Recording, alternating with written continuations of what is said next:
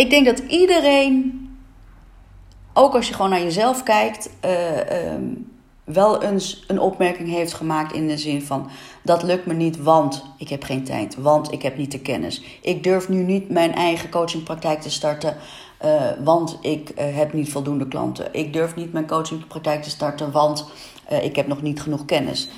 ik, ik kan dit niet, want ik ben daar niet goed in. Ik heb, ik persoonlijk bijvoorbeeld, laat ik het even op mezelf zeggen, ik heb echt tot mijn even kijken, ik denk rond tot mijn veertigste ongeveer gedacht dat ik gewoon niet kon, lange afstandstermijnen kon lopen. Mijn hele uh, ja, sportcarrière klinkt een beetje zwaar, maar ik heb natuurlijk, ben begonnen met mijn werk als, als instructeur en trainer. Heel veel groepslessen gegeven. En mijn kracht lag hem altijd in korte, intensieve bewegingsvormen.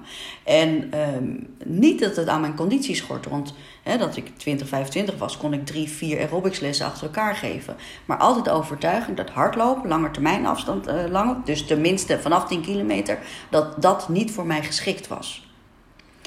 En die overtuiging, die overtuiging, die zorgde er dus voor dat ik dat gewoon niet ben gaan doen. Dus een overtuiging van iets waarom iets niet lukt, ontneemt je ook eigenlijk de mogelijkheid om het te proberen.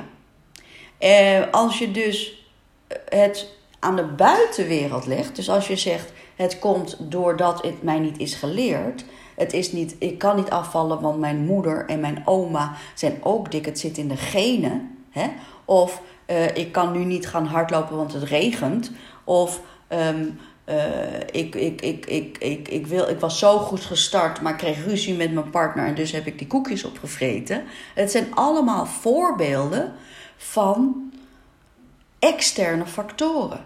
En externe factoren, jongens, leiden altijd tot het ontnemen van de mogelijkheid tot verandering. Laat ik het nog een keer zeggen. Externe factoren zorgen er altijd voor dat ze de mogelijkheid ontnemen tot verandering. Waarom? Heel simpel. Omdat je daarmee eigenlijk aangeeft: ik kan er niks aan doen. Weet je wel? Ik kan er niks aan doen. Ja, ik wil wel afvallen, maar mijn moeder is dik en mijn oma was ook dik en het zit in de genen. Ik kan er niks aan doen. Weet je wel, ja, ik wil wel afvallen. ik wil wel afvallen, maar als ik ruzie heb met mijn partner, dan ben ik een emo-eter. Ik kan er niks aan doen. En dus hoop ik dat ik hiermee duidelijk heb gemaakt dat autonomie, de vrijheid, de onafhankelijkheid, de verantwoordelijkheid die daarbij horen, dat die een basis zouden moeten vormen tot langdurige gedragsverandering hebben we het niet over even afvallen, hè, jongens, want dat doen we gewoon met diëten. We hebben het echt over langdurige gedragsverandering. Afvallen en nooit meer aankomen. Weet je wel? Stoppen met roken en nooit meer beginnen. Weet je wel? Dat soort, daar hebben we het over. Is dat helder, jongens? Autonomie. En de, uh, de, de mate van autonomie heeft natuurlijk altijd te maken met hoe iemand intellectueel, intellectueel in elkaar zit.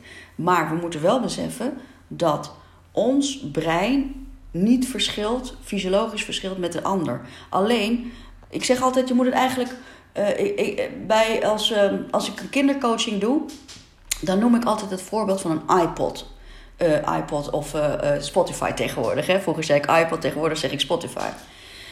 Zie jouw brein als een Spotify-lijst.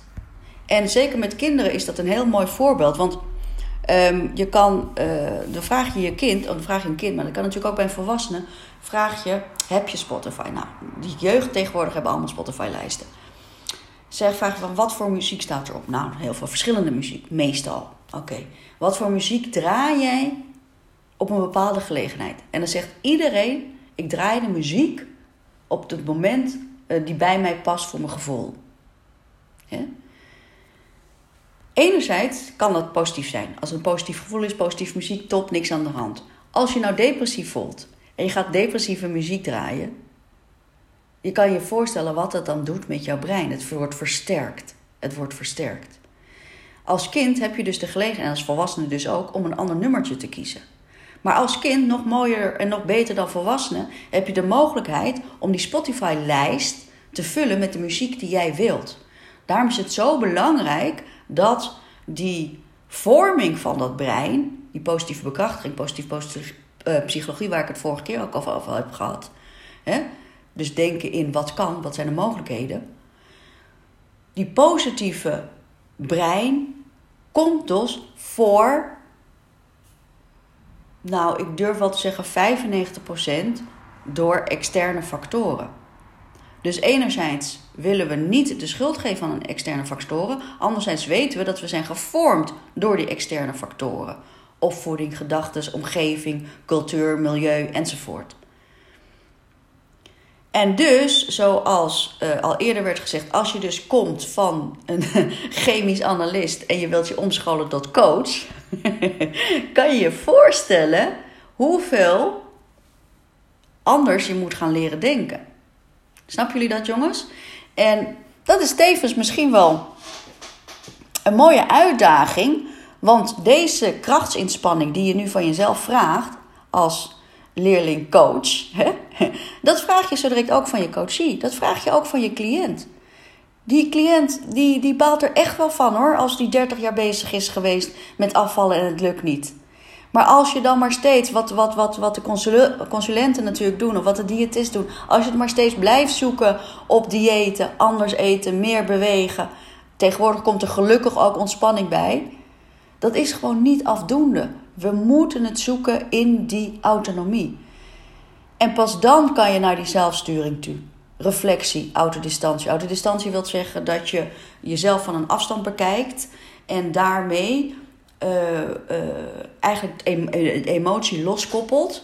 En daarmee um, eigenlijk um, jezelf neutraler kan beoordelen. Super mooie vorm. We gaan dat zo direct ook. Deze week krijgen jullie als opdracht om een autodistantie vorm van een. Um, een eigen verhaal te maken van, van jouw eigen ontwikkeling. Of je, sorry, jouw leven in een A4. En het mooie is, ik, ik begin eigenlijk altijd mijn coaching trajecten begin ik altijd met een, uh, met een levensverhaal. En dat puur op autodistantie. Dat wil zeggen, ik geef een opdracht aan mijn cliënt. Hè, die komt met een x-probleem. En die heeft x zoveel pijn. En die wil dit zo en zo veranderen. En dan vraag ik altijd aan de cliënt. Dus meestal altijd bij de eerste of de tweede uh, coaching sessie al. Vraag ik aan mijn cliënt. Schrijf eens even een levensverhaal op 1 A4 in de vorm van autodistantie. Nou, dan leg je dat uit. Wat bedoelen we met autodistantie? Eigenlijk bedoelen we ermee dat je in een A4, dat maakt het natuurlijk ook al lastig, hè, want dan moet je gaan kijken van hé, hey, wat waren de belangrijkste elementen in mijn leven. Maar dan ga je dus ook eens onderzoeken, door autodistantie toe te voegen, wordt het eigenlijk een feitelijke lijst. Een feitelijke lijst. Kan je je voorstellen? Dus in plaats van dat je zegt, ja, ik werd nooit gewaardeerd door mijn moeder en ik voelde me daardoor dit. En ik kreeg toen, uh, uh, ik, ik voelde me altijd achtergesteld en daarom ben ik gaan overeten. En dan ging mijn moeder weer zeggen dat ik geen doorzettingsvermogen had omdat ik zo dik was. En hè, dan ben je dus een verhaal aan het schrijven met emotie. Als je dus vanuit autodistantie bekijkt, dan zeg je: Ik heb ervaren, van, ik heb ervaren vanuit mijn. Je mag het gevoel wel noemen, hè? Ik heb ervaren vanuit mijn gevoel dat mijn moeder mij niet waardeerde. Punt. En dan ga je naar het volgende. Ik werd gepest op, op school. En dat heeft mij het gevoel gebracht dat ik minder waard was. Punt. En op die manier um, maak je het zo eigenlijk zo feitelijk, zo rationeel, dat je ruimte creëert om dat limbische brein over te laten schakelen naar die neocortex. Snappen jullie dat? En in de vorige les heb ik al aangegeven hoe belangrijk het is dat als we duurzame gedragsverandering willen laten plaatsvinden, dat die neocortex daar dan zo'n belangrijke rol in speelt. Dus door autodistantie toe te passen in een bepaalde opdracht die je dan voor jezelf hè, stelt, maar zo'n zo'n levensverhaal, ja, werkt, vind ik persoonlijk heel erg goed.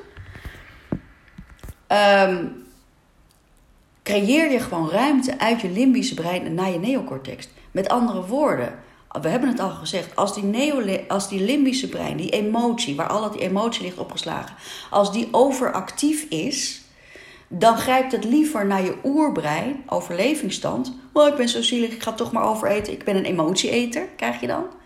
Maar dat hoeft helemaal niet zo te zijn. Weet je wel? Dat kan dus weer gewoon fysiologisch gestuurd worden. Maar fysiologisch gestuurd en bevestigd door de ervaringen die je in je leven hebt ervaren. En de, het ding is dus dat je gaat onderzoeken: kan ik door autodistantie toe te passen de mogelijkheid creëren om dezelfde gebeurtenis op een andere manier te gaan bekijken. En daar kom jij natuurlijk als coach bij te, bij te passen, om de juiste vragen te stellen en om dat door te gaan. En dan zal je zien dat eigenlijk, ik noem het altijd het verleden ontkleuren. Want we weten dat, uh, weten vanuit gedragswetenschap, weten we dat herinneringen 50% niet waar zijn. Ik heb het al in de eerste les gezet. Hè? Onze gedachten per dag, 70.000 per dag, zijn 90% gedachten die we gisteren hebben gedacht. Dus we leven al in het verleden. En als je dan ook nog weet dat die 50% niet waarheidsgetrouw zijn, omdat wij in de loop van ons leven deze hebben, meer hebben ingekleurd. En door autodistantie toe te passen, ontkleur je dat dus weer. Gum je het eigenlijk uit. Die emotie gum je uit. En daarmee ben je in staat om te denken in mogelijkheden, waardoor je dus door die autodistantie meer reikt naar die autonomie. En daarmee dus natuurlijk uiteindelijk weer naar zelfsturing. Is dit duidelijk, jongens?